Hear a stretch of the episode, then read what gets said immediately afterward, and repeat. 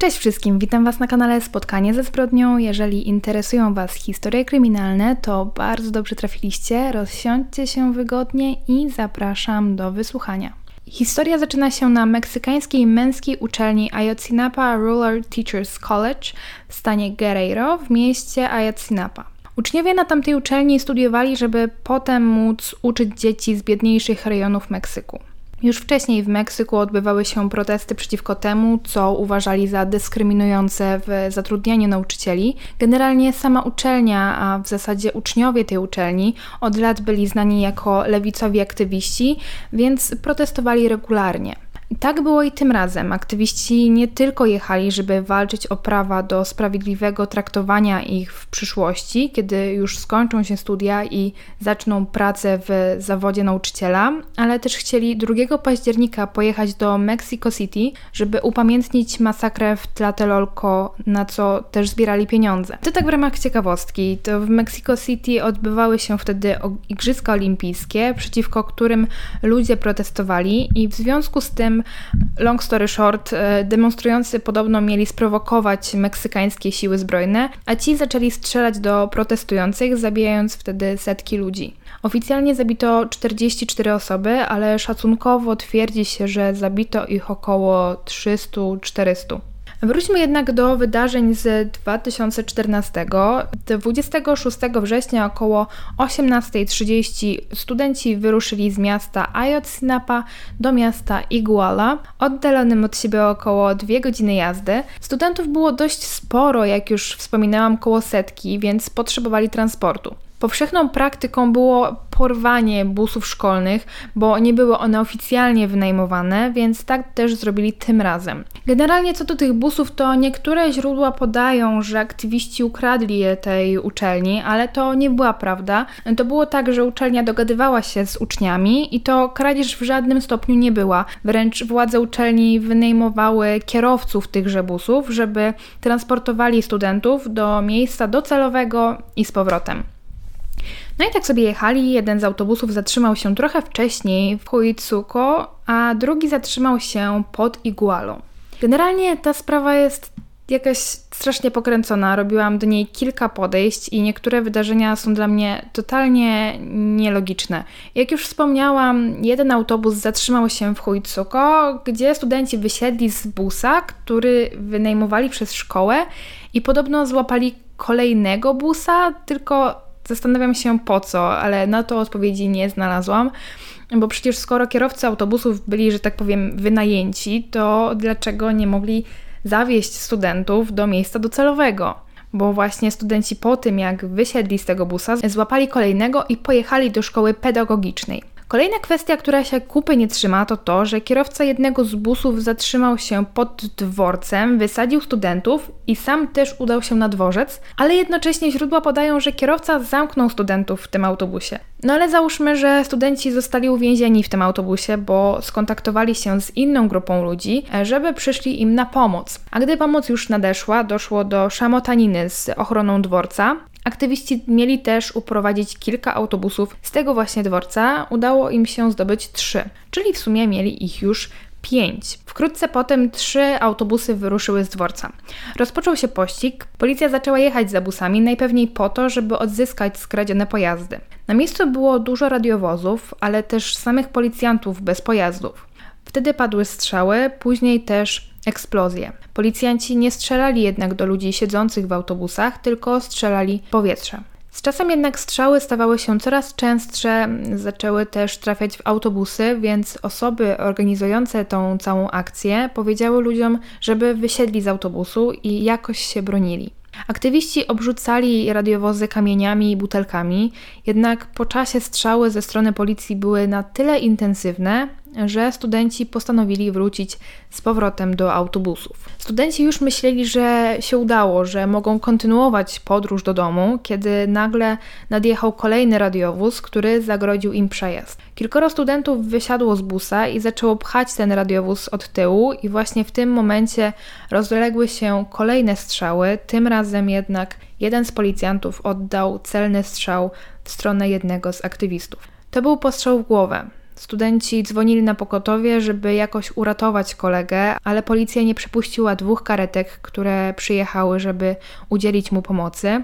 Także Aldo Gutierrez, bo tak nazywała się ofiara, leżał przez 45 minut z dziurą po postrzale, a dopiero trzeciej karetce udało się dostać do rannego. Podobno ci policjanci mieli dowódcę, a ten dowódca, mimo że podobno wiedział, że ludzie w autobusach to studenci, wydał rozkaz, żeby wyprowadzić studentów z trzeciego autobusu, następnie kazał położyć im się twarzą do ziemi, a przez następne kilka minut policjanci bili leżących aktywistów, a później wsadzili ich do radiowozów i zabrali.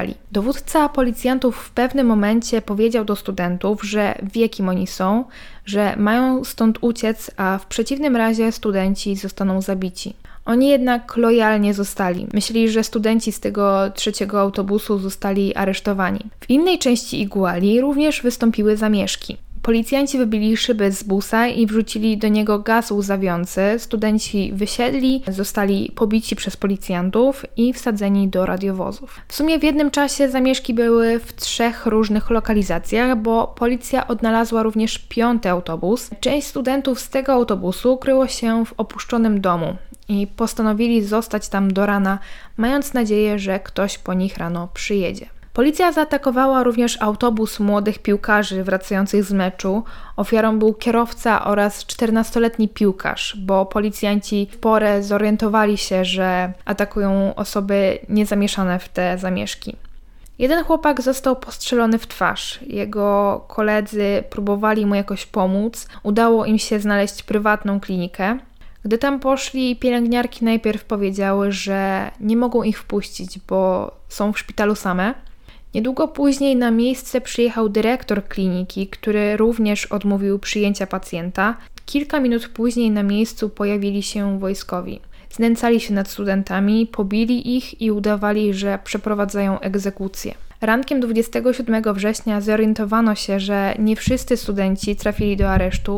Bez śladu zaginęło 57 młodych mężczyzn, a 6 osób zostało zabitych. Rząd nie był skory do pomocy w poszukiwaniach zaginionych. Ludzie robili to na własną rękę. Krążyły plotki, że 25 studentów jest przetrzymywanych w areszcie, ale armia nie wystosowała oficjalnego oświadczenia w tej sprawie poszukiwaniach brało udział wiele ludzi. Rodziny wszystkich zaginionych, studenci, zgłaszali się również ochotnicy. Po kilku dniach śledztwa stwierdzono, że do całego wydarzenia doszło, ponieważ studenci próbowali sabotować konferencję prowadzoną przez żonę burmistrza, która chciała przejąć stołek swojego męża w następnych wyborach. Podobno burmistrz zdenerwował się i wraz z grupą policjantów niesprowokowani zaatakowali studentów. Rząd Guerreiro stwierdził, że odpowiedzialny jest za to burmistrz. Tymczasem wiecie, co zrobił burmistrz?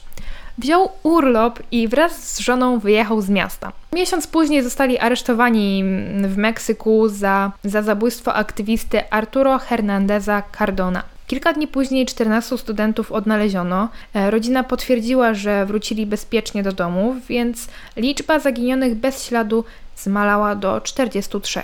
Rząd Guerreiro przez to bagatelizował zaginięcia młodych, bo twierdzili, że skoro 14 osób się znalazło, to pozostali też prędzej czy później wrócą do domu. Kilka dni po tym wydarzeniu odbyły się demonstracje z okazji rocznicy masakry w Tlatelolco, gdzie tego roku wśród demonstrujących pojawiło się również wiele transparentów związanych z zaginionymi, a ludzie skandowali takie hasła jak Wzięliście ich żywych, oddajcie ich żywych. Podczas śledztwa rząd ogłosił, że znaleziono dół w pobliżu miasta Iguala, a w nim 28 ciał. Dawali do zrozumienia, że są to ciała zaginionych studentów. Rodziny ofiar od razu założyły, że znaleziono ich krewnych, jednak kilka dni później, gdy wykonano badania, gubernator oficjalnie potwierdził, że nie zidentyfikowano żadnego ciała jako studenta Ayotzinapa. Z biegiem czasu znaleziono kolejne doły z kolejnymi ciałami, ale w żadnym z nich studenci nie zostali odnalezieni. Później zaczęli szukać na wysypisku śmieci w Kokuli. Na miejscu znaleziono posiekane i spalone szczątki ciał, z których nie dało się pobrać nawet próbek DNA. Podobno zginęło tam około 40 osób. Znaleziono trójkę podejrzanych mężczyzn, którzy zeznali, że odebrali życie zaginionym studentom, a następnie podpalili zwłoki, które podobno paliły się tam przez około 14 do 15 godzin. Jednak na to nie było dowodów, były tylko słowa podejrzanych. Podejrzani zeznali też, że dostali rozkaz, żeby połamać kości już po spaleniu ciał i żeby wrzucić szczątki do czarnych toreb, które mają opróżnić nad rzeką San Juan. Faktycznie znaleziono tam wiele szczątek ludzkich kości, a nawet dwie torby, z czego jedna była zamknięta. Rodziny zaginionych jednak nie chciały uwierzyć w tę teorię. Około dwa miesiące później laboratorium przesłało wyniki badań DNA, które potwierdziły tożsamość jednego ze studentów. Prokuratura wydała oświadczenie. Oficjalna wersja jest taka, że studenci zostali zamordowani na wysypisku śmieci, a ich szczątki zostały wyrzucane do rzeki San Juan. Jednak wykonano badania, bo rodziny wciąż nie mogły uwierzyć w to, że ich bliscy zostali zamordowani i to w taki sposób. Ekspert stwierdził, że żeby spalić 43 ciała, należy mieć do tego odpowiednie warunki. Potrzeba ponad 30 ton drewna i ponad 13 ton opon, a ogień musiałby się palić przez około 60 godzin. Ponadto na miejscu wysypiska były też zupełnie niespalone pnie drzew, a gdyby faktycznie płonął tam taki ogień, z pewnością pnie również by się spaliły. I w ten sposób odrzucono teorię prokuratury. Prokuratura zmieniła wersję wydarzeń i powiedziała, że jednak spalono tam przynajmniej 17 dorosłych osób. Jednym z pomysłów rządu na jak najszybsze zamknięcie sprawy i postawienie zarzutów było zatrzymywanie przypadkowych ludzi na ulicach i publiczne twierdzenie, że to właśnie ta osoba jest odpowiedzialna za morderstwa, a za zamkniętymi drzwiami torturowali te osoby, zmuszając ich do przyznania się do winy. Gwałcili, porażali prądem podniebienie, odbyt, jądra, pochwy e, i inne części ciała. A poza twierdzeniami torturowanych ludzi, którzy, żeby przeżyć, przyznawali się do zbrodni, której nie popełnili, nie było na to żadnych dowodów. Ponadto wersje wydarzeń tych ludzi były sprzeczne. Nie zgadzały się ze sobą, a podejrzanych było około 120 osób. Oczywiście były wykonywane obdukcje, ale rząd twierdził, że osoby podejrzane same wyrządzały sobie krzywdę. Jakiś czas później okazało się, że agencja podlegająca pod Ministerstwo Spraw Wewnętrznych monitorowała studentów od chwili porwania autobusów przez studentów jeszcze w Ayotzinapa. Około setka studentów była przeciwko praktycznie wszystkim siłom państwowym. Kolejną zastanawiającą sprawą było to, że porwano pięć autobusów, obserwowano tylko dwa z nich i właśnie osoby będące w tych autobusach zaginęły. W raportach nie pojawiły się jednak nazwiska zaginionych, były tylko same numery rejestracyjne busów, tak jakby zależało im tylko na tych autobusach, a nie na ludziach. E, te dwa autobusy były też najbardziej ostrzelane przez wojsko. Jeden z informatorów powiedział, że w tych dwóch autobusach znajdowała się heroina o wartości 2 milionów dolarów. Podobno boss narkotykowy chciał odzyskać towar, a że był w zmowie z rządem i niemało im płacił, to kazał za wszelką cenę przejąć te narkotyki. No wiadomo, że rząd, prokuratura nie poda takiej wersji do informacji publicznej, stąd te liczne mm, chybione oskarżenia niewinnych ludzi, bo przecież na kogoś musieli zrzucić winę. A studenci nawet nie zdawali sobie sprawy z tego, że jadą na pewną śmierć, bo nie wiedzieli, że w autobusach jest ukryta heroina. Podobno ludzie z wyższego stopnia doskonale zdawali sobie sprawę z tego, co się dzieje, a prezydent mógłby za to stanąć przed sądem międzynarodowym za zbrodnie przeciwko ludzkości. Dlatego tak bardzo chcieli to zatuszować. Wiele na to wskazuje i wiele ludzi wierzy w to, że niestety rząd kłamie. Do tej pory rząd trzyma się tej oficjalnej wersji wydarzeń, mimo zeznań ocalałych aktywistów. Około dwa lata temu niezależny prokurator generalny kraju stworzył specjalną jednostkę dochodzeniową zajmującą się rozwiązaniem sprawy. W ubiegłym roku śledczy przeczesywali wiele miejsc w poszukiwaniu dowodów i domagali się aresztowania ponad 50 osób w związku ze sprawą. Wielu z nich to byli urzędnicy państwowi. Niektórzy zostali oskarżeni o tortury, zaginięcie i utrudnianie działań wymiaru sprawiedliwości. W tym roku udało się zidentyfikować szczątki drugiego zaginionego. Te szczątki zostały znalezione około pół mili od wysypiska, na którym znaleziono wiele innych spalonych ludzkich szczątek kości. To już wszystko, co dla Was dzisiaj przygotowałam. Dajcie znać, czy może słyszeliście o tej sprawie, czy jest dla Was zupełnie nowa, bo to jest sprawa z 2014, więc może ktoś, może ktoś to pamięta z mediów. Koniecznie też dajcie znać, co myślicie na temat tej historii. Tymczasem dziękuję Wam bardzo za wysłuchanie. Zapraszam też do sprawdzenia moich poprzednich odcinków, a teraz życzę Wam miłego dnia, tudzież wieczoru i do usłyszenia